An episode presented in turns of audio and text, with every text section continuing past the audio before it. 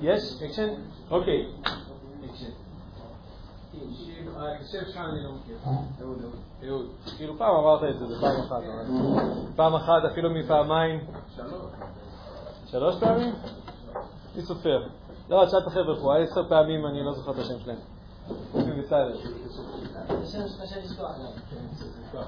טוב, חבר'ה, שלום לכולם, אתם ממש יש רחוקים, אבל אנחנו נתמודד עם הדבר הזה. הנושא שלנו היום זה אסרטיביות. אסרטיביות זה כאילו שיעור שני, אבל מבחינתי הוא קצת דורס את השיעור הראשון, שהיה לא כזה מוצלח. זה תמי, כן? אתה לא היית. כן היית? נראה לי שלא היה כזה מוצלח. בכל מקרה, איזה אני, לטעם הקהל. בכל מקרה, אני כן רוצה לדבר היום עוד פעם על מה זה עמדתנות, אסרטיביות, ואני רוצה לקחת את זה לנישה של לעמוד. אם אתם זוכרים, העולם שלנו מתחלק לשני חלקים, יש לנו ערכים ויש לנו צרכים. אז אסרטיביות, בסדר, ערכים זה שייך למערכת העליונה, כאילו ליצר הטוב, והצרכים זה קשור ליצר החיים, למערכת התחתונה, ליצר הרע, ושניהם אנחנו צריכים אותם, יש לנו ערכים שאנחנו רוצים להופיע בעולם, חסד, גבורה ואמת ותפארת. יש לנו צרכים שאנחנו צריכים להופיע אותם, אני צריך כבוד, אני צריך כסף, אני צריך, אני צריך חברה, אני צריך להרגיש שאני שייך, וכולי וכולי וכולי וכולי וכולי. בסדר? את שניהם אנחנו צריכים. המלאכת האיזונים ביניהם, בין הצרכים לבין הערכים, נתתי לכם את זה פה פעם אחת, והיא נקראת, איך, מה זה נקרא כשאנחנו מאזנים נכון בין הצרכים לבין הערכים? תודה, יש. המצלמה מסתובבת, יפה. תיקון המידות. אני חושב שתיקון המידות, מהמון בחינות, זה בדיוק הנושא שלו. כוונה, לאזן נכון. זה לא רק האיזון האמצע, כן? זה לא בדיוק מפד"ליקי, אלא הכוונה לאזן בצורה נכונה בין הערך לבין הצורך. יכול לקרות מצב, הרבה פעמים קורה מצב שבו אדם יותר מדי מרוכז בצורך שלו, פחות מדי מרוכז בערך, אבל הרבה פעמים, וזה השיעור שלנו, קורה מצב הפוך, שבן אדם יותר מרוכז בערך ופחות מדי מרוכז בצורך. עכשיו, השיעור של אסרטיביות הוא יכול להיות גם ליחס לערכים וגם ליחס לצרכים. הכוונה, אדם, אני רוצה הפעם לגעת יותר בקטע של אדם שקשה לו לעמוד על הצרכים שלו. הכוונה, הוא קשה לו לבטא ולהגיד, לא נעים לי, לא נוח לי, זה המקום שלי, בבית כנסת אתה מוכן לקום, או תקום, או תעוף מפה, לא משנה, לא משנה מה בדיוק המילים שאנחנו נגיד, אבל בסופו של דבר לעמוד על הדבר הזה, או לומר, תקשיב, אני מעביר שיחות, אבל זה בתשלום. ולא יודעים איזה סיבוך בשבילי זה היה כאילו לבוא ולהגיד בצורה פשוטה למישהו, אתה יכול לדבר עם השיחה, אני אומר לה, בשמחה אני בעד וכולי, אז זה בתשלום. אולי זה נשמע לכם פשוט, בשבילי זה היה כאילו כמו, כאילו עכשיו עברתי את ים סוף. להגיד את המילה הזה בתשלום, יש משהו באופן כללי. אמרו לי בציבור הדתי-לאומי שיותר מסובך עם הקטע הזה של להגיד זה בכסף. לעומת הציבור החרדי בהקשר הזה שאין שום בעיה להגיד שזה עולה כסף. לא, יש בזה דווקא משהו, עשה לי מקריצה קטנה, אבל אפשר גם להגיד, יש בזה משהו שהוא, יש צדדים שוברים. זה נכון שלא כל דבר צריך לקנות אותו בכסף, אבל יש קצת שזה טוב שאדם יכול באופן פשוט להגיד שמשהו עולה כסף, אם הוא רוצה לבקש תשלום על הדברים שלו, ולא כל פעם הוא מתנדב להעביר שיחות בחינם. כאילו נגיד במצווה, כשראינו שם, זה היה מאוד שכיח, כאילו שמתקשרים ככה שעה לפני שבת, שלום, אני קומונלית של סניף זה, ואנחנו מתארחים פה בשבת אצלכם, ושמענו שאתם זה, ובאמת שמענו הרבה דברים ה... האם אתה יכול להעביר שיחה הערב לחברה יבש וכו'. כאילו, בהכי כיף וסבבה לבקש, מעולה. עכשיו, אני, וואלה, כאילו, או שלא מתאים לי, נגיד, בסדר, זה גם להגיד לו, וב', נגיד שמתאים לי. מתאים לי לומר, כן, תקשיב, אם אני יוצא מהבית ועוזב את המשפחה שלי, זה בשביל כסף, כן? זאת אומרת, לא כי כסף יותר חשוב ממשפחה, אלא כי המשפחה צריכה כסף. זאת אומרת, לבוא ולהגיד, כאילו, תראי, אני עושה שיחות כאלה, אבל בתשלום. מתאים לכם או לא מתאים לכם? אני לא אומר שבהכרח כל שיחה עכשיו צריכה להיות מסוגמלת, בסדר? הבנתם את הראש איפה זה נכנס? אני רוצה כן להגיד משפט שאמרתי אותו גם בפעם הקודמת. את השם שלך אני לא זוכר. אלון. שלום. נכון, נכון, נכון. אתה יודע מה? לא בא לי, מתאמן על השיעור, לא בא לי.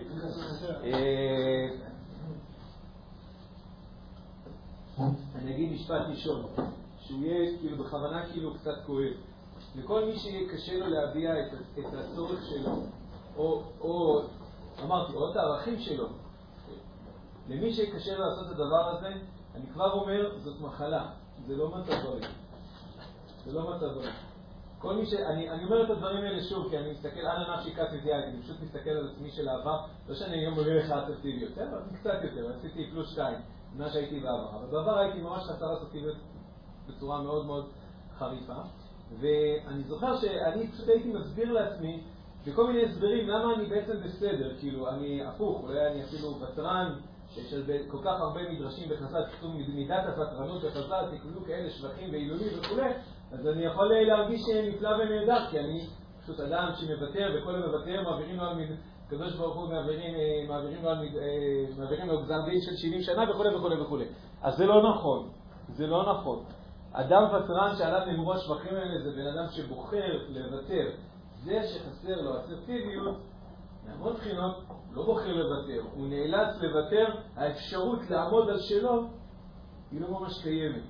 אז לכן, כל ההסברים שאנחנו אומרים, אה, או כי אני ותרן, עשיתי לעצמי פה רשימה, או כי אני... אה, טוב, זה אדם לא אומר לעצמו, כי זה, כי זה נשמע כבר לא טוב, אבל מרצה.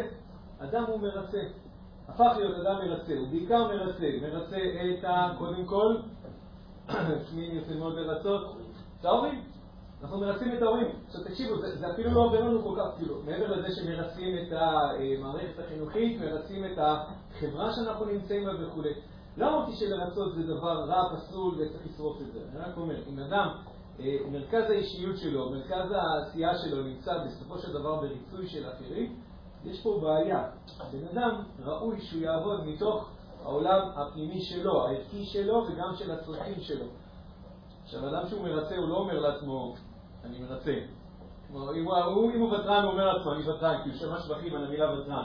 המילה מרצה היא לא, אין לה קונוטציה חיובי. אין הקשר חיובי, אז לא אומר לעצמו אני מרצה, אבל לפעמים יכול להיות שבן אדם יגיד לעצמו, אה, וואלה, אני, אני בעצם לא...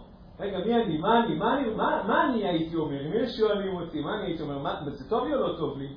מה אני חושב על הדבר הזה? צריך לשים לב, כאילו, האם אני עושה עכשיו איזה משהו, זה באמת כי זה חשוב לי? כי זה חשוב אולי יותר להורים שלי, או כי אני נמצא פה כבר באיזה מהלך במשך כמה שנים ואני לא אף פעם לא עשיתי חושבים. כשאדם נהיה אסרטיבי, אגב, זה לא תמיד אומר שהוא עכשיו מתפטר מהעבודה, עכשיו עוזב את הלימודים. אני רוצה לגלות את עצמי. אדם יכול לגלות את עצמו תוך כדי שהוא עושה דברים, כן. אדם לא חייב עכשיו לעזוב, אדם עכשיו עושה עשר שנות, רפואה, בשנה התשיעית עזב. לא צריך לעזוב בשנה התשיעית, יאללה, תסיים עוד שנה כבר, תהיה רופא, אחרי זה תעשה מה שאתה רוצה. לא, אבל זה לא, אני מגלה שזה לא עם הערכים שלי. יאללה, תסחוב, תמצא על כמה ערכים, תסחוב, תשלים את התמונה. אני, לא, אני, אני רק אומר, בצורה הקיצונית זה לא חייב להיות שברגע שבן אדם נהיה מודע לזה שהוא מרצה, אז הוא עוזב את הכל. אוקיי. אה, ותרנות, ריצוי, אה, נחמדות, שזה משהו מאוד מאוד מאפיין, כאילו, אה, במיוחד כאלה שלובשים כיפות כמו שלנו, שבעבר היו הרבה מגחכים עלינו, ואני חושב שאולי זה, בהרבה מובנים זה עדיין נכון, דתי מחמד, אם שמעתם את המושג, יורי אורבך, זכרונו לברכה, יצר את המושג דתי מחמד. הבנתם את הקש כאילו פה. כאילו דתי מחמד במובן הזה שהדתיים, האלה עם הכיפות הסרוגות, הם כאילו, הם תמיד אה, במחלקה, בצבא, בפוליטיקה, הם, הם תמיד הנחמדים, הם תמיד אלה שיפשרו, הם תמיד אלה שיעשו אווירה טובה, וזה טוב לפשר, וזה טוב לעשות אווירה טובה, אבל אם זה תמיד התפקיד שלך, זה בעצם קצת אומר שאתה במובן מסוים תמיד מעדיף להיות בצד של האו"ם, בצד שבחוץ. רגע, ולך אין עמדה, ואתה לא, אין לך מה לומר כלפי הדבר הזה? אני לא כרגע אומר שאתה בכלל חייב לצעוק את זה. אתה יכול להגיד את זה אולי בקול מאוד שקט. ואתה יכול לומר את מה שאתה חושב, גם אם זה לא מסתדר עם מה שכולם אומרים, גם אם זה הפך ממה שכולם אומרים, וגם אם זה אולי יתקע את כולם, אתה, אתה מסוגל להגיד את מה שאתה חושב. אז אני, אני רק אומר, נחמד זו תכונה נפלאה. אני, לדוגמה, הייתי אדם מאוד מאוד נחמד, אני נשארתי אדם נחמד. אני כן עושה את הגיור שלו. בעיקרון נשארתי אדם מאוד נחמד, אבל היום אני נש... מאוד, אני גם יודע מאוד מאוד להיזהר בדבר הזה, לשים לב שאני לא... אי אפשר להפוך את נחמד לפועל, נכון? מתנחמד. כן, מתנחמד. יכול להיות שהוא בטוח היה יותר מרוצה ממני. מתנחמד, אני צריך לשים לב, כאילו, אני אומר אפילו, אתם יודעים מה, העבודה שלי כרגע, אני מחנך כיתה, ואני עומד מול הורים, וזה הכי כיף להיות נחמד להורים, ולספר להם כמה ילד שלי הוא טוב, וכמה הוא עושה שיפור, וכמה הוא מתמודד. להגיד להם שהילד שלהם הוא חולרה ובא לי להדביק אותו לקיר אוי, זה מוקלט. אה, לא כן, אבל עד שההורים יראו את זה, זה כבר יהיה לא רלוונטי. אה, אני צריך לשים לב, רק, אני אומר לעצמי באמת, אני צריך לשים לב לדבר הזה, האם כשאני אומר משהו להורים ואני אומר דברים טובים, ובדרך כלל אני אומר את הדברים הטובים, האם אני לא עושה את זה כי אני בעצם מנסה אה, להיות בגזרת הנחמד, והאם זה לא היה נכון? אה, לצאת מהגזרה הזאת, לא כאילו בכוח כי אני עכשיו רוצה להיות לא נחמד, אלא כי לפעמים המצב הוא לא נחמד. ואפשר להגיד דברים, אמרתי, בצורה יפה ונעימה ומחבקת, ואנחנו כולנו באותו סד. ועדיין, להגיד דברים שהם לא נחמדים, יכול להיות שיהיה להם קצת קשה לשמוע. יכול להיות שזה גם משהו שאני רוצה להגיד אולי לגביהם, לגבי התכשיטים שלהם, שעומדת בכיתה וכולי, אוקיי, לא ניכנס לזה יותר. אה, אז זה כל מיני אלטרנטיבות למושג, למושג, למציאות של אסרטיביות. אני מניח שנגעתי אולי פה בכמה נקודות שהן מוכרות לכם. אה, אני רוצה להיכנס לסל הכלים שיש לנו, אה, שאפשר ליצור פה. אני אצייר שנייה את הטבלה על הלוח, לא כי אנחנו עכשיו ניכנס לרוביקה אחת אחרי השנייה, כאילו, כמובן זה כן מה שהולך לקרות. הכוונה, אני לא הולך ממש לכתוב עכשיו בכל משבצת את הכלים שיש בה, שזה כנראה גם מה שהולך לקרות. לא בקיצור, טוב, בוא נזרום עם זה. כן, עמיחי. זהו, התחרטת. כל הדיבורים האלה, החלטת להיות, אה, זאת אומרת, למה לעשות את זה? חבר'ה, רק שנייה, מחשבות או רעיונות עד כאן.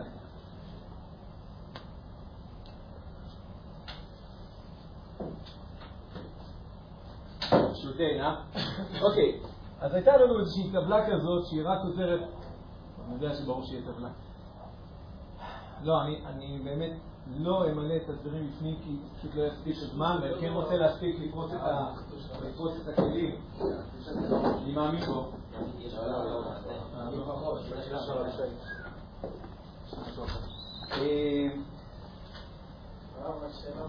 כן, כן, כן, כן, מעולה. או, או, תודה, תודה, תודה. אני רק אכתוב את הכותרות. כן, שנייה, אתה, אלון. כן, אלון.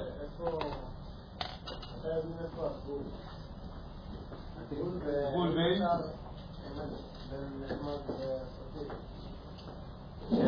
אחלה שאלה. מה אתם אומרים? אפשר לפתוח את זה לכולם? כשאתה עושה את זה לבחירה. אם זה אוטומטי אז כנראה זה רק מבטל. ואם אתה עושה את זה כי אתה חושב שזה דבר נכון, אז לעשות את זה. בסוף אדם מבפנים יודע אם הוא הזה שנותן לך את זה או החברה. אה, אז כן, אז כבר אמרתם כבר שתי תשובות, לדעתי, אני כן פספסתי אחת. אנחנו יודעים מבפנים, צריך לעשות איזשהו זיהוי פנימי, איזושהי מודעות פנימית. אמרתי, לפעמים זה לוקח באמת זמן, כי לפעמים לוקח לנו זמן להיות רבים להודות בפני עצמנו, שאנחנו מתנחמדים, שאנחנו ותרנים, שאתה יודע מה, שאנחנו פחדנים. אה, לא אמרתי את המילה הזאת. פחדנים, ממש פחדנים. פחדן, אני פחדן, הייתי פחדן מוחלט. אני פלוס שתיים אבל הייתי ממש פחדן. היום אני, היום אני יודע להגיד את זה, כי א' יצאתי משם, אבל גם ידעתי, אבל חלק מהריפוי שלי היה שיכולתי לומר את זה עוד לפני שיצאתי משם. יכולתי לומר, תקשיב, זה שאני אומר את הדעה שלי, זה לא בגלל ש... לא צריך להגיד, כבר אמרו את זה, וזה לא בגלל שזה גם ככה לא ישנה, וזה לא בגלל ש... צטרה, צטרה, צטרה, צטרה, צטרה, אלא זה בדיוק בגלל שאני פוחד. כאילו קשה לי לומר את דעתי, ואז אולי יתקפו אותי, ואז אולי אני אגמגם ואני אגיד את זה בצורה מספיק גרועה, ואז לא יודע, מיליון ואחד אה, אה, אה, תרחישים ואפשרויות. אני סיפרתי לכם שבעברי אני לא הייתי מדבר כאילו עם אנשים, ובטוח לא הייתי מעביר שיעורים כמו שאני מעביר עכשיו. זה לא, זה כן טבעי לי, מתברר. אבל זה לא היה טבעי לי כמו שאני הייתי בעבר.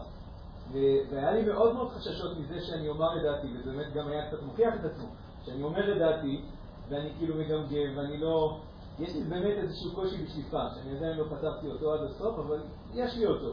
אני נותן לזה מענה, אני מכין את השיעורים שלי מראש, אני מרוויח מזה כפול, אבל... אבל החשש היה במקום, ואני...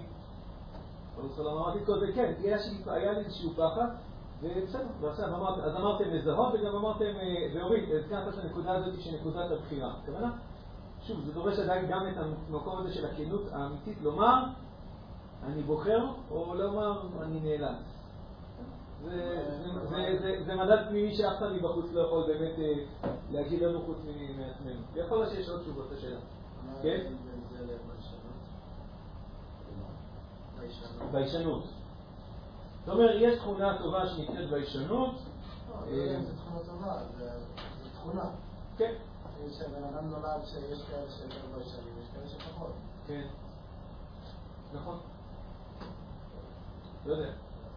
תחשוב על זה. לא, אני אגיד לך את התשובה בשלוף. לא, אני אוהב גם להגיד לא, שאני לא יודע. בשלוף, תראה, אני חושב שאנשים ביישנים, בסופו של דבר, כאילו, הם צריכים דברים, נכון? הם חיים בעולם, כאילו, יש להם צרכים. מסתבר. הם, הם, הם מצליחים לבטא את זה? זאת אומרת, בוא נגיד ככה, האדם הביישן כנראה הוא לא יהיה מסמר הערב. אני אומר כנראה, כי הרבה פעמים אנשים כאילו שחשבו שהם לא יהיו מסמר הערב הפכו להיות מסמר הערב. מתברר שהביישנות לא הייתה, כאילו, שוב, למה? בטח מתי שאומרים לעצמכם, בקרות דוגמאות יכול להביא על עצמו, וואלה, אני פשוט, היה פה הרבה עבודה. אני בעברי הייתי מאוד מאוד ביישן, ואני הגדרתי לעצמי שאני כנראה אשב בפינה, וכנראה שאני לא אהיה מה שאני כרגע עושה עכשיו. ואולי בעזרת השם אני רוצה לעשות דברים בעתיד עוד כאילו בקנה מידה יותר רחב. אבל בעברי הייתי, אמרתי לעצמי שאני ביישן. אז לכן, אז אני לא, רק הערתי את זה בהקשר של הערה שהתחלתי להגיד ביישן כנראה יישאר ביישן. לא בטוח. אבל גם אם כן הוא יישאר ביישן, בסוף אני הייתי רוצה שהוא, שהוא, שהוא ביישן, אבל הוא כן יכול לומר, זה מפריע לי. אבל שיגיד שזה מפריע לו. כאילו, כן, בסוף זה מפריע לו, וואלה, זה שהשכן שלו בחדר עושה מוזיקה חזקה. זה מפריע לו, אז נכון שהוא ביישן ונכון שהוא כל. אבל בסוף הוא כן יכול, אני חושב שזה נכון שהוא יהיה מסוגל לומר את הצורך שלו, ואמרתי, צורך זה החלק הנמוך, ערך זה משהו יותר גבוה. הוא יכול לומר, כאילו, לבוא ולהגיד, אני חושב שזה ממש רע מה שקורה פה. כן? אז אני חושב שמבחינה אמיתית זה לא לגמרי סותר, חוץ מזה אמרתי, הערתי רק לסוגם שלפעמים ביישנים מגלים שהם לא ממש היו ביישנים, אלא יותר היו... כן, חולים, אני ידעתי את המילה בהתחלה, כאילו, זה מחלה. מחלה, לא באתי להגיד אחד, הרמב"ם כותב שכל בעיית מידות היא נקראת במובן מסוים מחלה. הבריאות זה המצב המתוקן. כל יציאה מהצד הזה זה נקרא מחלה. אדם שלא יכול לבטא את הצרכים שלו זה מחלה. בסדר? אז בואו נראה, יש פה מצב, אירוע, התנהגות, מידת הנפש, התגובה, רגש, תפיסה, דרך וצורך וזהות. אני רוצה רגע לחזור, כי בפעם הקודמת הייתה לי הנחת יסוד בפרט. בפעם הקודמת הייתה לי הנחת יסוד שאתם זוכרים כאילו מה זה הטבלה הזאת ומה היא מייצגת, ואז קלטתי שלא. אז אני רוצה בשתי דקות לחזור עליה. היא לא כל כך חשובה. למה אני אומר את המשפט הזה? היא סופר חשובה, אתם חייבים להכיר את הטבלה הזאת. היא לא כל כך חשובה במובן הזה שגם אם לא תזכרו אותה ולא תבינו את המבנה שלה, זה לא אומר שאתם לא תבינו את הפרטים. אבל מה זה חשובה? כי היא יכולה להסביר הרבה דברים. א', היא מסבירה לנו את המנגנון האנושי שלנו, איך אנחנו עובדים, היא מסבירה לנו מה קורה לנו, והיא גם יכולה לתת לנו הכוונה וכלים על איפה אנחנו רוצים להיכנס, תוכנית התערבות בכל מיני נקודות, אז היא כן חשובה. אבל לא הכי חשובה, אבל גם סופר חשובה. טוב, נמאס לי מהמשחקים המילים האלה. יש לנו, בואו נתחיל כאילו מפה. שנייה, נתחיל מפה לפה ואז נחזור מפה לפה. מפה לפה, בדרך כלל אנחנו מוצאים את עצמנו במצבים האלה. אנחנו מזהים את המצב, אני עכשיו עומד לדבר איתכם ואני מתנהג בצורה מסוימת, לדבר בצורה מסוימת, אוקיי, מפה והלאה זה כאילו בתוך הנפש, שאתם לא רואים אני. זאת אומרת, זה שאני מדבר וזה שאני מדבר בביטחון, זה כל זה כאילו מובנה על איזה שערכים, צרכים, כאילו דברים שחוצי שם יש עם תפיסות, רגשות מסוימים שמניעים שם, מידות נפש שעכשיו כאילו דוחפות אותי, וכל זה בא לידי ביטוי במישור הגלוי בהתנהגות מסוימת, אני מנפנף בידיים שלי בצורה מסוימת, אני מדבר בקצב מסוים, אינטונציה מסוימת, במצב מסוים, אוקיי? זה החלק הגלוי, זה החלק הנסתר. עכשיו אנחנו בדרך כלל תמיד, את זה הדברים שאנחנו רואים, והרבה פעמים אנשים מנסים לעשות את השינויים שלהם במצבים האלה. הכוונה אם אתה מתעצבן, אז אל תגיע למצב, אל תיכנס לאירוע שגורם לך להתעצבן. זה בסדר, זה גם אחת מהאפשרויות שאפשר לעשות. או אל תתעצבן, או יגידו לך אה, אה, אל תוותר. זה ברמת ההתנהגות. כל המישורים הפנימיים, אני לא מעריך בהם עכשיו, אנחנו דיברנו עליהם הרבה באריכות ואנחנו נדבר עליהם גם בעתיד, וההדגמות הן פשוט גם נותנות לנו מידת נפש, זה התגובה שלנו, בסדר? לא התגובה ההתנהגותית, התגובה הנפשית, בסדר? הסיבה שעכשיו אני מדבר בביטחון זה כי יש לי עכשיו מידת נפש של אומץ, של זרימה, של נינוחות, שהיא בעצם מאפשרת לי לדבר ולהזיז את הידיים שלי ולנוע באנרגיות, בסדר? יש לי כרגע כמה מידות נפש שעכשיו מופיעות. יש לי רגשות שתומכים במידות הנפש האלה, יש לי תפיסות, כאילו, מיינדד, כאילו, התפיסות יסוד שהן רצות לי בראש, כאילו, שהן עוזרות לי להרגיש את הרגשות שמניעות את המידות וכו' וכו' וכו', ובעומק עומק הנפש מסתובבים שם כל מיני רכיבים, חלק מהם זה ערכים שמניעים אותי, אתכם, חלק מזה זה צרכים שמניעים אותי ואתכם.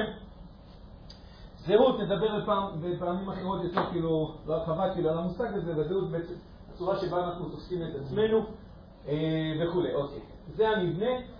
אמרתי, בדרך כלל כשאנחנו מנתחים מצב אנחנו מתחילים מבחוץ פנימה, אה, אבל אנחנו יכולים, ברגע שאנחנו מודעים למבנה הזה, אנחנו יכולים גם לדבר עליו כאילו מבפנים החוצה.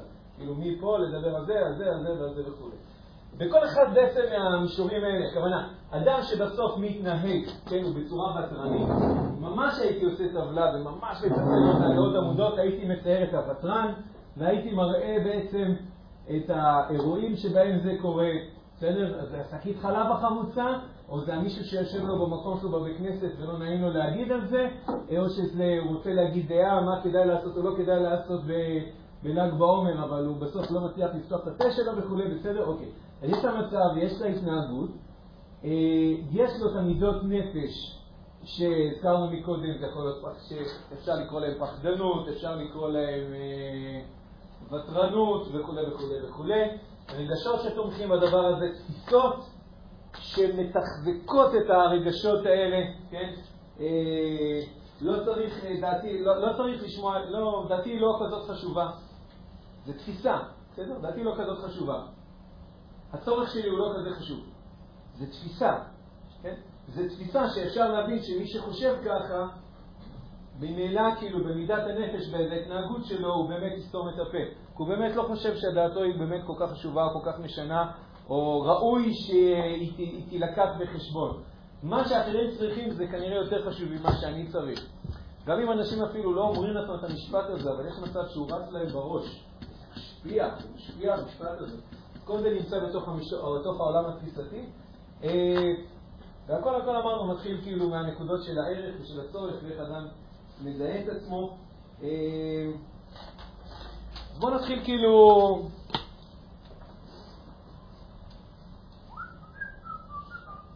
בואו נתחיל אה, מכאן, לפתח מידת נפש.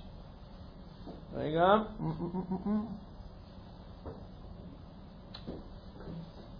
פעם קודמת התחלנו מפה. מישהו זוכר עוד את השיעור הזה שהתחלנו מפה? זוכרים? או שאני אתחיל שם מההתחלה בזריזות? יש את זה? לא. לא.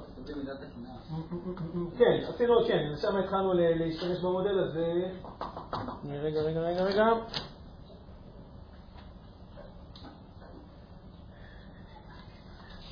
טוב, אני אגיד, אני, אני אתחיל דווקא מפה, בסדר? אני אתחיל מפה ואני אנוע למעלה ואני כן אכתוב את זה, זה יהיה לכם טוב שזה מול העיניים.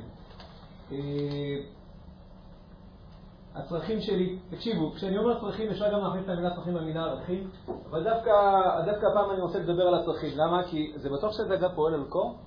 עכשיו זה עובר על חום. כן? אני רוצה דווקא לדבר על צרכים ולא על ערכים, ולמה? כי על ערכים יותר כאילו יהיה מובן להגיד שהצרכים שלי חשובים, אני חייב לעמוד עליהם, ואם אני לא אעמוד עליהם אף אחד אחר לא יעמוד, אנחנו נגיד את זה. זה קצת יותר כאילו מובן בשכל, לא אומר שזה מה שאנשים עושים בפועל, אני רק אומר זה יותר מובן. אבל אם אדם יהיה מוכן להגיד את אותו משפט גם על הצורך שלו, על הצורך שלו בכיסא בבית כנסת, על הצורך שלו בזה שלא ירמו אותו, או בזה שאם עכשיו הוא, אה, אה, לא רימו אותו, כן, אם הוא קנה שקית חלב חמוצה אז מגיע לו כסף חזרה, על הצורך שלו בזה שיכבדו אותו ולא, יצחקו עליו ולא, ולא יתעלמו ממנו ולא ינפנפו אותו ולא יספרו אותו כחלק מהקבוצה. בסדר? להגיד שהצורך הזה, לכן אני דווקא מדבר כרגע במילה צרכים, בסדר? אז אני כבר אומר לכם, אתם יכולים תמיד להחליף את המילה צרכים מאיפה שהיא לא תופיע פה, להחליף אותה במילה ערכים, כי הרבה פעמים אדם שיש לו קושי באסרטיביות, זה לא רק עם הצרכים שלו, זה גם עם הערכים שלו. הצרכים שלי חשובים. אה, אה, יש לי חובה, טוב, אולי זה גם חשוב לתפיסה, טוב, אני לא יודע, יש לי חובה לעמוד על הצורך שלי. אף אחד בעולם לא יכול לייצג את הצורך שלי יותר טוב ממני. אה,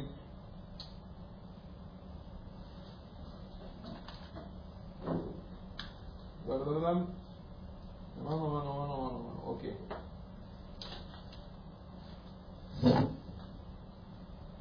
יש כל הזמן הצורך שלי.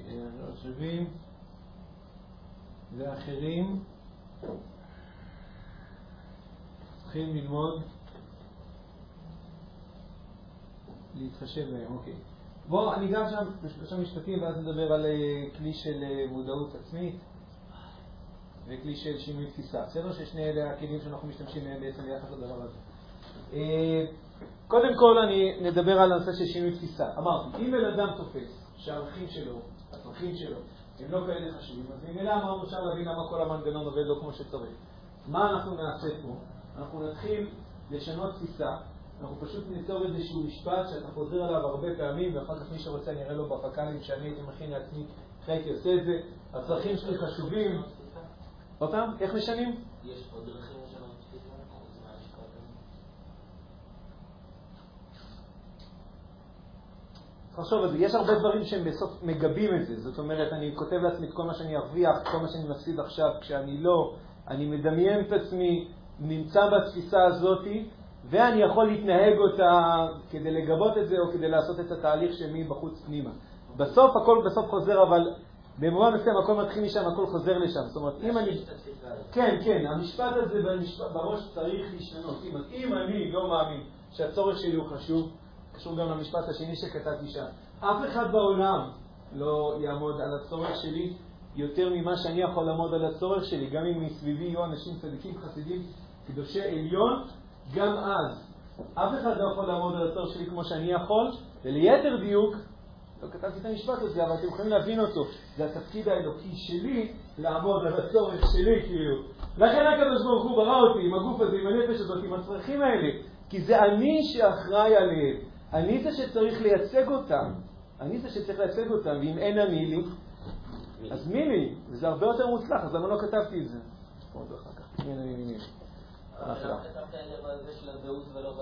אם אין אני לי מי לי, יכול להיות שזה טעות. אני לא יודע אם הצלחתי בדיוק להגדיר פה את ההבדלים ביניהם, לא, לא, חוסר דיוק שלי, לא יודע, יכול להיות שזה אותו, רוביקה בהקשר שלנו, יכול להיות שזה טיפה שונה. לא, לא אכנס עכשיו לניואנסים האלה, לא, כאילו זה כן חשוב, אבל לא כרגע, כן, כן. כאילו, במשפט הזה אין סכנה להגיע לקצה השני? או, שזה אחד מהדברים שאנחנו תמיד חוששים מהם. אנחנו אומרים, רגע, אם הצרכים שלי חשובים, ואם זה נכון שאחרים צריכים להתחשב בצרכים שלי, הם צריכים, הם חייבים, כי למה הצורך שלו הרבה יותר חשוב מהצורך שלי?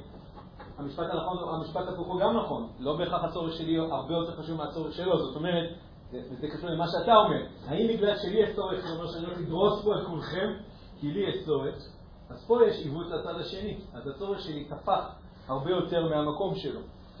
אז לכן, אתה צודק, יש פה איזשהו איזון שצריך לקרות. אבל הצורך שלי, מבחינתי, הוא הדבר שאני הכי, אני הכי מופקד עליו, הוא חשוב, אני לא הייתי אומר הכי חשוב בעולם, כמו שאנשים אומרים לי לומר העיקר הבריאות. אני לא יודע אם להגיד שזה עיקר הבריאות, הבסיס זה הבריאות. העיקר זה עבודת השם, העיקר זה לעשות טוב בעולם, זה העיקר. הבסיס זה בריאות. הבסיס זה זה שיש לי צורך והצורך הזה ממולא. יש לי צורך בכבוד. אני אומר לכם, יש לי צורך בכבוד. תאמינו לי, באמת, יש לי צורך בכבוד. אני מודה בזה, אני מודע לזה, זה בסדר גמור. כי פעם חשבתי שזה לא בסדר. אה, שכחתי את כל הדברים האלה. אחד מהדברים, כאילו, רציתי להגיד את זה מקודם, אחד מהדברים שמאוד מאוד מעכבים אותנו, אחת מהתפיסות שמאוד מאוד מקשות עלינו, זה כי בטעות מישהו לימד אותנו שאם אתה רוצה להיות אדם אידיאליסט, אדם צדיק, אדם... אז אדם, זה, האנשים האלה, מי זה אידיאליסט? זה זה ש... נעשה עם האצבע ואתם משלימים את זה במילים. לא את שלא מחפש את הכבוד, שלא יבקש כסף על העברת השיחה, שלא ישאל רגע מתי אותי מעלים בדרגה, שלא אה, יעשה עכשיו בלאגנים על זה שמישהו עקף אותו בתור. זה, הדרך להיות אדם אידיאליסט. מישהו עשה לנו פעם את התנועה הזאת, כנראה לא פעם אחת, אלא הרבה פעמים, ואנחנו הרבה פעמים גם נוטים להאמין בדבר הזה. אני בכוונה אומר את זה ככה בנוקב. זה... אם אני אומר את זה נוקב, אני צריך להגיד את זה נוקב, זה לא נכון. זה לא נכון. אדם אידיאליסט זה אדם שפועל בעיקר מתוך העולם הערכים שלו ופועל לפעול ערכים בעולם. לא אומר שבגלל זה הוא צריך למחוק את הצרכים שלו. ואם יש לו צורך בכבוד, אז הוא, הוא, הוא, יזכה, הוא יעמוד על זה שהוא יקבל את הכבוד שהוא צריך. אולי יבוא היום לא יהיה לו צורך בכבוד. אולי, אני לא יודע מה קורה בדרגות העליונות, אבל בדרגה שרוב האנשים נמצאים בה, יש לו צורך בכבוד. וזה שהוא יתעלם מזה, או זה שהוא לא יעמוד על זה, זה לא גורם לזה שהוא יותר... זה לא... בסוף הכבוד לבוא, דווקא זה סותר. למה משפט הזה? זה נכון, סוף הכבוד לבוא, אומר, סוף הכבוד לבוא בעצם אומר שאתה צריך כבוד, אתה תקבל כבוד. אתה תקבל אותו כאילו ממילא. יש מצבים שבהם אולי באמת אתה תקבל אותו ממילא, תעביר את הסקירה בחינם, ואת הכבוד אתה תקבל ממילא. יאללה, חתמנו דיל, היתר טוב ויתר רע, מוכנים עכשיו לחתום על המסמך. היתר טוב עכשיו עושה טוב, היתר רע בסוף יקבל את הכבוד. לפעמים תקבל את זה ממילא, אבל לפעמים אתה צריך לעבוד על הכבוד הזה. כי לא תמיד יכבדו אותך. מה לעשות? לא תמיד יכבדו אותך. אז לכן אני אומר, לכן רק רציתי להזכיר את זה, כי אני חושב שזה מאוד מאוד נפוץ. התפיסה הזאת היא שאם אתה אידיאליסט, אתה צריך לעבוד בחינם. שאם אתה אידיאליסט, אתה יכול לעבוד עכשיו בכל שעות היממה.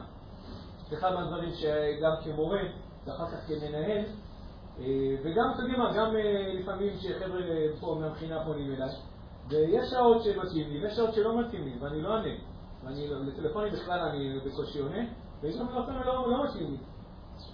פה במכינה זה לא כך קורה, אבל מגילורים, קורה שזה הורה מתקשר לך ב-10 וחצי בלילה, כי הוא החליט שעכשיו זה השעה טובה לדבר. אבל אני לא אדבר איתו בעשר וחצי בלילה, הוא אומר, אדם, יש לי חיים, אני לא מוכן כאילו. לא, אתה לא זמין, לא, לא שאני לא זמין, בעשר וחצי בלילה, אני לא עונה, אני לא עונה, לך אני לא עונה. לאמא שלי אני אענה, לך אני לא עונה, למה שאני אדבר איתו בעשר וחצי? לא, כי אם אתה מורה ואתה אחראי על הילד שלי וזה, אז איך אתה יכול? יכול, יכול, גם יכול, יחכה למחר שבע בבוקר, דחוף מאוד, דבר בשבע בבוקר, דחוף מאוד מה? כי עכשיו יש מישהו בהתקף לב, אתה צריך אותי כי אני רופא, מה דחוף מאוד? אם זה מאוד מאוד דחוף, דבר בשבע בבוקר, כאילו זה צריך לקרות לפני קצת יום, בשבע בבוקר. זה לא צריך לקרות בעשר וחצי בלילה. פעם אחת עשיתי את הטעות הזאת. היה איזשהו אירוע, באמת אירוע היה באמת באמת מורכב ובעייתי. ואני התחלתי את השיחות בעשר וחצי בלילה, וגמרתי אותן באחת בלילה. אני, זה, זה היה טירוף. זה לא היה נצרך. יכולתי לתפוס את שבע בבוקר, אבל הרגשתי לא נעים ולא זה ולא זה, ולכן כאילו התחלתי ונכנסתי איזה לוב שלא הצלחתי לסיים אותו. אז לכן, אה, אוקיי, חזרנו לפה. צרכים שחשובים, אחרים צריכים מאוד להתחשב בהם, זה בסדר גמור, כמו שגם אני מתחשב בצרכים שלהם. יש לי חובה לעמוד על הצורך שלי, אף אחד בעולם לא יכול לתת את הצורך שלי יותר טוב ממני, ואם אני ממני וכולי. שינוי תפיסה, בסופו של דבר, הדרך הכי מצלחת לעשות את זה זה לזהות את התפיסה הישנה, בסדר? הצרכים שלי לא חשובים, לא נעים לי וכולי, לזהות את התפיסה הישנה, לנסח תפיסה חדשה, דוגרי משם והלאה צריך לפמפם אותם מיליון פעמים, עוד פעם ועוד פעם ועוד פעם ועוד פעם ועוד פעם. אמרתי לכם את זה הרבה פעמים, אולי מספיק לא מספיק פמפמתי לכם. הראיתי לכם את הפק"לים שאני משתמש בהם, אני ככה אני עושה. יש לי פק"לים, חלק מודפסים, היום אני עושה את זה גם עם, ה, עם המסך של הטאבלט. אני כותב שם את המשפטים, אני חוזר עליהם מאות, מאות, מאות פעמים אני חוזר על המשפט. כמו שאתה חוזר על ביתן תל ומותה בברכה 90 פעמים כדי להצמיע, אז לפחות 90 פעמים. מכירים את זה, כן, בהלכה. אז אני אומר, לפחות 90 פעמים עדיף 900. יותר טוב לשנות את התפיסה, ואני אומר רק עוד שנייה אחת, עוד כלי אחד, וכמובן המודעות העצמית. המוכנות של בן אדם להסתכל פנימה ולראות מה כתוב שם בפנים, ולא להיבהל מזה, דיברנו פעם על אה, ניהול קומת החשקים, נכון? אמרנו שאתה נכנס פנימה, לא להיבהל, בסדר, אז אני פחדן, אז אני ותרן, אני מבין שזה המצב שלי, בואו נראה איך משם אני צומח, אבל קודם כל להיות מודע שזה המצב שלי. בסדר? אז מודעות עצמית וכלים של שינוי תפיסה, דיברנו על זה קצת, בואו אני רוצה לרגע לעבור לרגע של המידות. כן, אלון. דיברת על כבוד, כאילו, לא נרדוף עכשיו אחרי כבוד, אבל גם לא לוותר על הכבוד של עצמך. סליחה, עוד פעם? אמרת לא, אם אני מסתכל על זה, כאילו לא לרדוף אחרי כבוד, לא עכשיו להגיד הוא צריך להביא לי, הוא צריך להביא לי, הוא צריך להביא לי. גם לא להגיד, כן. כן, כן. בסוף מישהו אמר איזה משפט, זה לי גלגל, זה פגע בי. אז אני יכול לבוא ולהגיד, לפני כולם, יכול להיות שאני אגיד לו את זה אחד על אחד, לא תמיד צריך להגיד את זה כאילו ב... הוא צריך להגיד לפני כולם, אני אעליב אותו בפני כולם. יכול להיות, לא תמיד זה תמיד בהכרח המשנה הנכונה. יכול אבל בסוף אני צריך להגיד שניים, תקשיבו, אפרופו שיעורי זוגיות. בסוף אתם תצטרכו לבוא לאשתכם, והיא גם תצטרך לעשות את זה לכם. ולפעמים להם יותר קל, לנו יותר קשה, כי אנחנו גברים, כי אנחנו מצ'ואיסטים, כי בנו אנחנו לא, לא פוגעים בנו, רק מקסימום אנחנו פוגעים, וזה לא נכון, אנחנו פגיעים, אנחנו מאוד מאוד פגיעים. הסופר סופר מצ'ואיסטים פשוט אומר שיש להם שם סם אור יותר זה רק אומר שמבפנים הם עוד יותר פגיעים. ובסוף אנשים, גם גברים, הם פגיעים. לכן לבוא ולהגיד, אה, זה גם כן זה. אם אני מודה שיש לי צורך, יפה, תודה. אז אנחנו נגיד את זה גם כשיש לי צורך, אני פשוט כותב את זה כבר, אני אדם בריא וחזק, בסדר? אני כבר אומר את זה אני אומר את זה בצורה כאילו הבריאה לעומת התפיסה הישנה, שבעצם אומרת שאם אני מודה על צורך, אם אני מודע לזה, מודה על זה, אומר את זה למישהו, זה הופך אותי להיות חלש. ווואלה, פגעת בי. מה זה לא פגע בך? מה, כאילו, מה, זה כל משפט כזה שאומרים את זה, איזה חלשלוש אתה.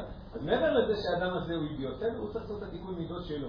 אבל אני צריך להיות במצב שגם אם מישהו מדבר אליי ככה, אני אומר לו, כן, זה פגע בי, למה אתה צוחק אליי? מה אתה מנסה? עוד פעם עושה, עוד פעם עושה לפגוע בי? מה? לא הבנתי. אני אומר לך שזה פגע בי, תתייחס לזה ברצינות. תגיד, סליחה, שהייתי, לא ידעתי, מתנצל. זה התגובה הנכונה. זאת אומרת, אני אפילו דורש את ההתנצלות הנכונה. כאילו, אני לא רק... אני אפילו יודע להגיד לו בדיוק את המשפט הנכון שהוא צריך לומר. שיצא לי את זה הרבה פעמים מה שלא תגיד טעיתי, תגיד סליחה, תגיד זה, נא, מה אתה עכשיו כאילו מתחיל להתפלפל בזה? אחרי אלף פעמים הצלחתי להבין. אז הנה, אני חושף לכם חלק מהעבודה. אוקיי, אז זו דוגמה עוד פעם לסוג של תפיסה, כאילו ביחס לצרכים ואיך כאילו תפיסה בריאה צריכה להיות, גם כשיש לי צורך ואני מבטא אותו, בסדר? ואני מבטא אותו, בסדר? אני אדם בריא, אני אדם חזק, לא חושב נראה טוב לאור. בסדר? עד כאן טוב? בסדר? איבדתם אותי? לא איבדתם אותי. אוקיי. נגייס את העולם, בוא נגייס עכשיו, בוא ניכנס רגע לעולם הרגש ונגייס אותו לטובת העניין. מה אנחנו יכולים לעשות עם רגשות? מה אנחנו עושים עם רגשות?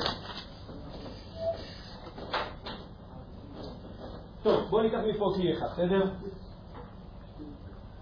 גיוס רגשות. לא שאנחנו נדבר על הזה, אבל גיוס רגשות. זאת אומרת, מעבר לזה שאנחנו יכולים ממש ליצור רגשות, אבל גם לגייס רגשות. מה הכוונה לגייס רגשות? כשאני הייתי חסר אסרטיביות, בסדר? כשאני הייתי ותרן, כשאני הייתי מתנחמד, כשאני הייתי, אה, מה עוד אמרנו, איזה, איזה עוד מילים אפשר להגיד שם, מרצה וכולי? היו מחירים למצב הזה? היו מחירים למצב הזה? כן. מסתבר שהיו מחירים. יכול להיות שעד היום לא הייתי מספיק מודע להם. תמיד סיפרתי לעצמי סיפור יפה, שזה בסדר, שזה נכון, שככה צריך להיות. אבל ביום שבו אני מודע לזה שזה דווקא לא מצב בריא וזה קצת מחלה, וזה, וזה בכלל היה צריך לקרות אחרת, ושבעצם מה שצוחקים איתי זה לא מה שצוחקים איתי, שאולי צוחקים עליי, וזה שמתעלמים ממש מהצרכים שלי זה לא תקין ולא בסדר, אז פתאום אני מתחיל להיות יותר ויותר מודע לכל מיני מחירים שאני משלם על הדבר הזה, ופתאום זה הופך אותי להיות הרבה יותר אה, אולי, אה, תגידו אתם, מה קורה כשאני מגלה שאני בעצם הייתי עד היום אה, מרצה? מה, אני, מה זה גורם לי להרגיש? מאוכזב. עוד? חוסר יציבות. חוסר יציבות. במובן של מה? אם אתה מגלה שמשהו כרגע הוא לא מה שאתה באמת, אז יש לך חוסר במי אתה. אוקיי, יפה. מה עוד? אבוד. אתה חושב שאתה אבוד? אוקיי, האמת שהקצת כרגע מדברים יותר על השלב של הגילוי עצמו, כאילו, אולי צריך לטפל בו בשני עצמו, כאילו טיפול בשוק. אבל כשאני מבין בעצם שדורסים אותי, צוחקים עליי, מתעלמים ממני, או אני לא מצליח לבטא את הצרכים שלי בצורה שיכבדו אותי, מה זה גורם לי? להרגיש מושפל, מושפל, קטן, חלש. מישהו אמר מקודם את המילה פחדן, מי זה היה? אני, תודה רבה. עוד? יש מפחד, מפחד זה רגש, פחדן זה ממש סוג של זהות, כאילו, פחדן זה, זה כאילו אישיות. לפעמים צריך להיזהר אגב, כשאנחנו אומרים לעצמנו מילים, מילים נוספות, אני, אני מפחד, להגיד פחדן זה קצת לפעמים סוגר אותי. וכו' וכו', הבנתם מאיפה הכיוון הולך. אוקיי, יש שלל רגשות שליליים שאנחנו מרגישים, שאגב, זה אחת מהסיבות למה אנחנו לפעמים מעדיפים להיות לא מודעים. לא מודעים לכל הסיפור הזה, כי אם אני לא מודע לזה, אז אני מרגיש אחלה והכל סבבה. אבל ברגע שאני מודע לזה שבעצם דורסים אותי, צוחקים עליי, יורקים עליי, זה לא גשם. פעם היה כזה, אתם מכירים את זה שזה... זה לא, יורקים עליי, זה לא גשם. לפעמים אדם כאילו, ברגע שהוא נהיה מודע לדבר הזה, זה מאוד מאוד כואב לו, זה מאוד, זה מאוד משפיל אותו, מושפל, לא כתב מושפל, אה, כתב מושפל. מושפל וכו' וכו', אוקיי, אז לפעמים בן אדם אפילו יגיד, אני מעדיף להיות מודע לזה, ואני מעדיף לציין עכשיו שזה גשם. אבל אני אומר, הפוך. קודם כל בוא נחזור לבריאות. בכל מקרה, להגיע למצב של בריאות זה, זה כנראה 99.9% יותר טוב מאשר להישאר במצב של חוסר בריאות. אבל מה אני עושה עם כל הרגשות השליליים האלה? וואלה, זה גורם לי להרגיש ממש גרוע. אם אתה גבר, מנקה אותך. אמרת מדכא, נכון? אז החיוך שלי הצחוק יהיה במקום. לא, ברור שלא, מה מדכא אותה? זה לא מדכא אותה. גבר לא מדכא רגשות. מה גבר עושה? אוכל בלילה. בוכה בלילה. למכינה, לא למדו כלום, כלום, שנה שלמה, כלום לא למדו. גם פה מסתדרים עם סרון כלים, כמו ב... זה לא אתה.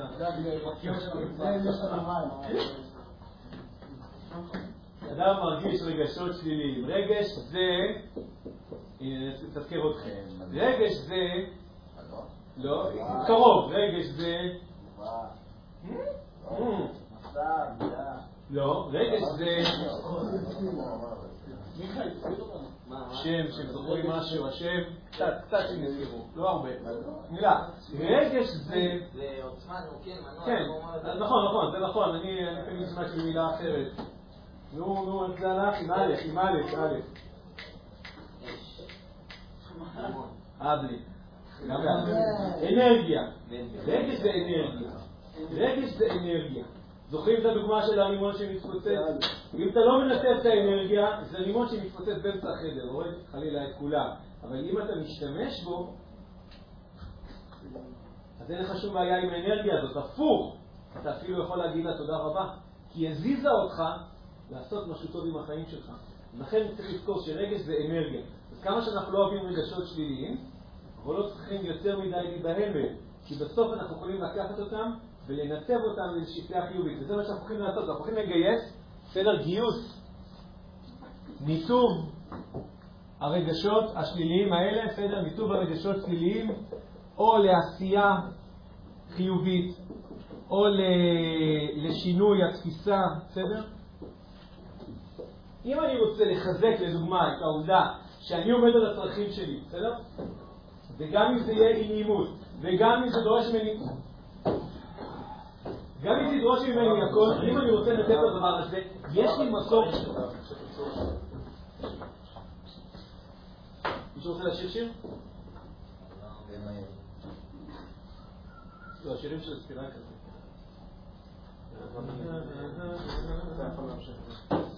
אם אנחנו רוצים, במקום לברוח מרגשות שליליים, אפשר פשוט לגייס אותם ולהשתמש בהם. לדוגמה, אני עכשיו עושה איזשהו תהליך שאני אומר לעצמי, הצרכים שלי חשובים ואנשים צריכים זה, יש לי חובה לעמוד על הדברים שלי. גם כשיש לי צורך אני בונה לך אני אם אני מרגיש מושפע, ואם אני מרגיש חלה, כאילו שכמה, איך אה, דרסו אותי ולא התקשרו וכולי, מצוין. אני אקח את הרגשות האלה ואני אשתמש בהם כאנרגיה שתכריח אותי לזוז.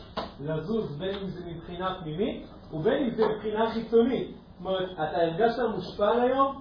מעולה. תבטיח לעצמך שזה פעם אחרונה שהדבר הזה קורה. אם תבטיח לעצמך דברים כאלה, אז אתה... ואז תשתמש גם בהם כדי להבטיח לעצמך שבפעם הבאה הבאה זה כבר משהו אחר, משהו ישתנה. ואז... בפעם הבאה הבאה אתה תבטיח לעצמך. סיפרתי לכם את הסיפור שהייתה לי איזה סדנה כזאת מאוד גרועה בצבא, סיפרתי לכם, נכון?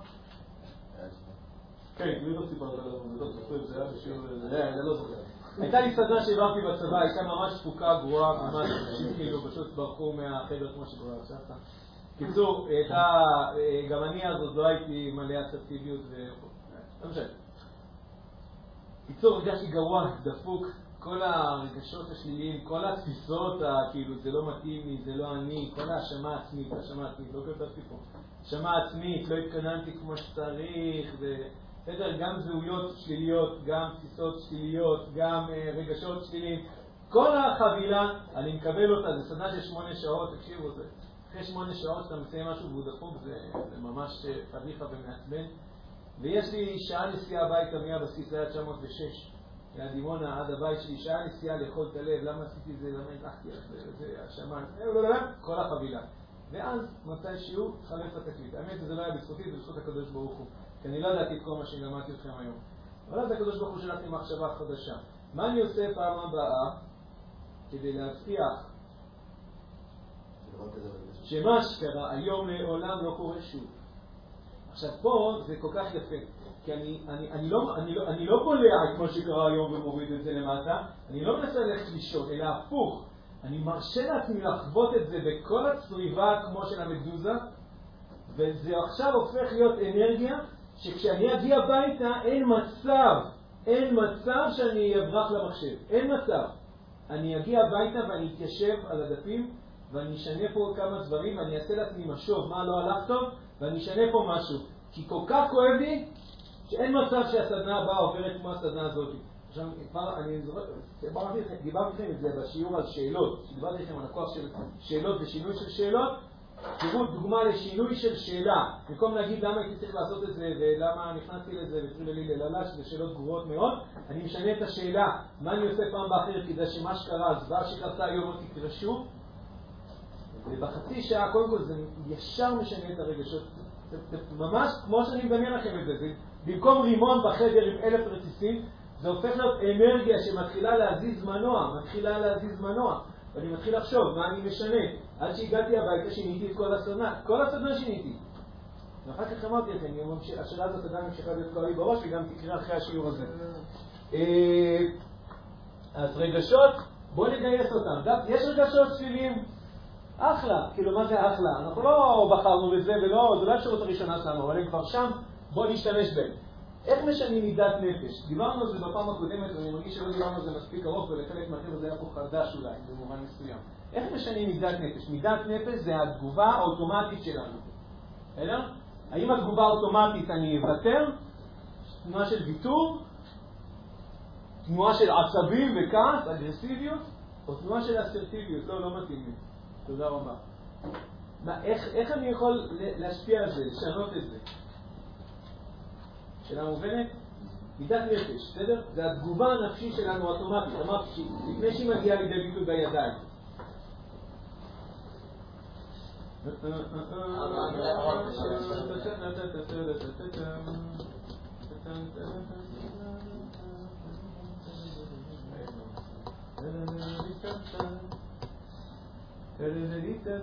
אז איך משלמים מידת נפש? בזה אחר כך אף אחד אפילו לא יכול לשים לב, ממש ממשיך את המשפטים.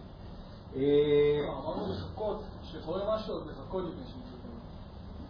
אז נכון, דיברנו ברמת ההתנהגות, שאתה, אחד מהדברים של מה לא תעשה, זה אל, תגיד כאילו אוטומטית מה שאתה רגיל לעשות. כאילו, אם בדרך כלל היית רגיל להתנצל, חכה כמה שניות, אל תתנצל. אם בדרך כלל היית רגיל לסגת, אז שנייה, אם בדרך כלל היית רגיל להסכים, להגיד כן, כן, נכון, אז 30 שניות חכה עם זה. 30 שניות אל תגיד אני מסכים. מי יודע, אולי בתוך ה-30 שניות האלה פתאום אתה תגיב אחרת.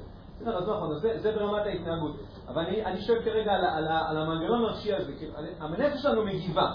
אני רוצה שהיא תגיב באסרטיביות, תגיב בעמדתנות.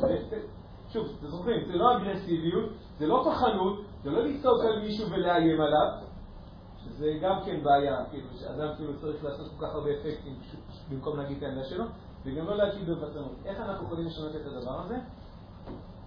אז אה, זוכרים כמובן? לא. לא, בסדר. בוא נגיד את זה, אנחנו, נראה לי אנחנו נצטרך לפתוח את זה, כאילו, במובן מסוים איזשהו שיעור בפני עצמו, להגיד איך אנחנו, משנים מידת נפש. נגיד את זה בשורה.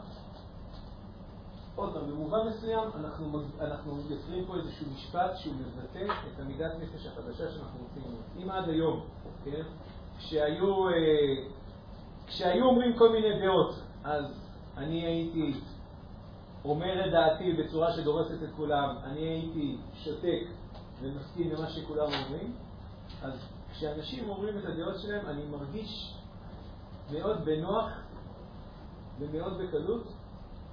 אומר, אני, אני, אני לומר את דעתי. אני אומר את דעתי בפשטות ובקלות. אני בכוונה אני מוסיף את המילה פשטות ובקלות? כי אני לא רוצה כאילו להגיד שאני צריך להגיד את דעתי ב... בציגי למה, קטונתי, אם הייתי זוכה, אם הייתי ראוי, לא צריך את כל ההקדמות האלה. בסדר, אבל ביקשו ממך להגיד דבר תורה היום, תגיד דבר תורה וזהו. באלף התנצלויות, מי אני קטונתי. אז אני אומר, אתה יכול לכוון כאילו מטרה, בשיעור הקודם שהיה בחלק א', אז שאלו אם להגיד את זה ספציפית על אירוע מסוים, או להגיד את זה באופן כללי, אפשר להגיד את זה ככה, עכשיו זה ככה. אם יש סיטואציה מסוימת, יושבים בבתים של הרמים, ואנשים אומרים את זה, ואני תמיד יש לי מה לומר, אבל אני נמנע מלומר את זה. אז אני יכול ממש להגדיר שאנשים רוצים להגיד בבתי רמים, אתה יכול להגיד את זה משהו יותר כלי, כשאני נמצא בחברת אנשים שאומרים את דעתם, אני מרגיש בנוח לומר את דעתי ולעמוד עליה גם במחיר של, אה, מה יכול להיות? עימות או אי נעימות. נראה לי זה שני הדברים שהם כאילו מפחידים במרכאות, שיהיה עימות, מי שיגיד לי לא נכון, כן נכון וכו', או איזה אי נעימות שתקרה. כאילו, תהיה אולי אי נעימות. בסדר, תהיה אי נעימות. עכשיו, אם אני אומר את דעתי כאילו בצורה מכבדת ובצורה... לפעמים אנשים מרגישים כאילו לא נעים ממשהו שאמרנו, אבל אנחנו צריכים לבדוק את עצמנו, אם לא אמרנו משהו שהוא פוגעני, רק פשוט אמרנו את הצורך שלנו. מי שיושב לך בכיסא בבית כנסת, אז אני לא אומר שכל פעם שמישהו יושב לך בכיסא בבית כנסת אתה צריך לבוא ולהעיר. בסדר, אתה יכול להגיד אני מוחל ולא נורא. אבל אם הוא באופן קבוע יושב לך בכיסא בבית כנסת, באופן קבוע מישהו יושב לך בכיסא בבית כנסת, זה לא כאילו... אני לא יודע, אני כאילו כן רוצה שיהיה לי כיסא כאילו משלי. אתם יודעים מה? יש לי צורך, אני רוצה שיהיה לי כיסא משלי. אתם יודעים מה? הנה, אמרתי את זה. מודה בזה. אני, יש לי צורך בזה. לא, זה משנה. לא, כן משנה לי, כן משנה לי. יודעים מה? אולי לא יהיה יותר טוב, זה יצר הרע. היצר הרע שלי רוצה שיהיה לו מקום קבוע וכו'. וזה מפריע לי שמישהו יושב לי במקום. אז אני אבוא ואני אגיד, כאילו, אה, אתה, לא משנה איך אני אגיד את זה עכשיו את המשפט, אבל להרגיש נעים, לבוא ולומר, אה, זה המקום שלי, אני, אם אתה רוצה, אני יכול לעזור לחשוב איתך איפה אתה יושב. אבל אני מבקש, אני רוצה לשבת במקום שלי. כן? סתם סיפור. אה, לא, לא סתם. שוב, הייתי באוטובוס, אוטובוס לאילת, אוטובוס ששומרים בו מקומות. אתה קונה כרטיס כאילו כתוב איזה מקום. נכון. אז הייתי על האוטובוס הזה, ואז זוג דתיים עולה, ומגלה שיושבים לו במקום. בהתחלה לא נעים להם, הם פנו אליהם, כאילו זה המקום שלנו. התחושה הראשונה הייתה, בתור אחד שהסתכלים על זה, התחושה הראשונה הייתה כאילו, וואי, מביך, הם כזה דתיים, הם אומרים כזה, טוב, לא נורא, נסתדר. אבל תכל'ס זה כאילו... נכון. כאילו לגמרי, זה המקום שהם קנו... מעבר לזה שאתה יודע מה יקרה, רק אם יתיישבו במקום אחר.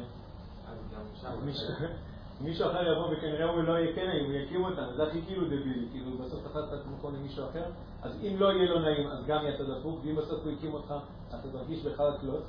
אז בסוף, נכון, אתה בא ואתה אומר שלום, בכרטיסים שלנו כתוב שאנחנו יושבים כאן, בבקשה. ואם נגיד, לא, אין לי מקום אחר לשבת. הנה, בוא נתקין אתכם. מה אומרים לכם, אבל אין לי מקום אחר לשבת? אה? מה כתוב אצלך בכרטיס? יפה, אתה יכול לנסות לעזור לי לפתור את הבעיות. תשמע, זה המקום שלי. לא יפה, ואתה יכול לא לעזור לי לפתור את הבעיות, כי זה לא הבעיה שלך. אני חושב, אני לא אמרתי שאתה אסור לך לעשות לעזור, מותר לך לעשות לעזור לו, אני רק אומר, לפעמים אנחנו בטעות חושבים, זה א' ב' של האסרטיביות, שאנחנו חושבים שאנחנו אחראים, אנחנו אחראים לפתור את הבעיות פה של כולם, אני לא אחראי לפתור את הבעיות פה של כולם. לא אומר שאני לא... נקודה של לנסות לעזור לו למצוא את המקום שלו, אלא שאם לכל אחד בכרטיס אמור להיות מקום, ואין לו מקום, אז יכול להיות שהוא עליו בלי כרטיס. כן.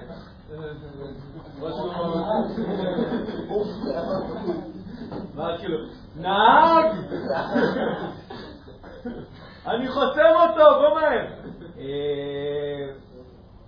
אני רק, אני מסכים איתך זה, ואני אומר, לפעמים גם למצוא, לעזור לי למצוא את המקום, זה גם עוזר לי למצוא את המקום שלי, נגיד, נקרא לזה. זה בסדר, זה לגיטימי. אני רק מעיר שלפעמים אנחנו לא, אנחנו לא נעזור לו, לא כי אנחנו לא רוצים, אלא קודם כל רק נבין, זה לא אחריות שלנו. כאילו, זה בעצם, כאילו בעצם יש איזו תפיסה שכל זמן שהוא לא פתר את הבעיה שלו, אז כן, אז עדיין זה בעיה שלי, והתשובה היא, לא נכון. לי יש צורך, זה המקום שלי. אני יושב במקום שלי. אתה שאני יושב במקום שלי, בוא אני אעזור לך, בוא אני לא אעזור לך. אתה יודע מה, בכיף אני אעזור לך, אני דתי נחמד, אני וואלה, בוא אני אעזור לך. אבל קודם כל זה כאילו המקום שלי. בסדר? אז אה, אוקיי, דיברנו על הנושא של, אה, טוב, עוד פעם נכנסנו לבעיה, אבל מהכיוון השני. אני כן רוצה באיזשהו שיעור לגעת פה יותר בהרחבה בנושא הזה, טיפה יותר להסביר אותו. אה, אם אתם זוכרים, גם דיברנו בשיעורים הקודמים על שינוי מצב ושינוי התנהגות, בסדר? כמו לא תעשה, אל, אל ישר תסכים וכו', זה דברים שאני ממש חשבתי, כתבתי לעצמי, סיפרתי לעצמי אלף פעמים. לא אוטומטית להגיד בסדר. לא, לא, לא אוטומטית להגיד בסדר. כאילו, אם אוטומטית להגיד לא. קודם כל תגיד לא. סיפרתי לכם את הסיפור הזה, לא עם ה... לא סיפרתי לכם את זה? היו אצלי שני, שני ליצנים בפלוגות אה, מילואים. הם כאילו היו חמודים כאלה, אבל הם מקטיני ראש בגדול. מקטיני ראש בגדול. בקיצור, ואז פעם אחת המ"פ תפס את אחד מהם, ממש ישב עליו, וניסה לשכנע אותו כאילו שיחתום יותר ממילואים. בגלל שהוא היה בלי הבן הזוג שלו, אז הוא כמעט נשבר, ואז הטקסט שלו מגיע, ומרחוק צועק לו, אחי מדע. אחי מה? קודם כל תגיד לא! כאילו, אתה יודע, כאילו, קופץ על הרימון.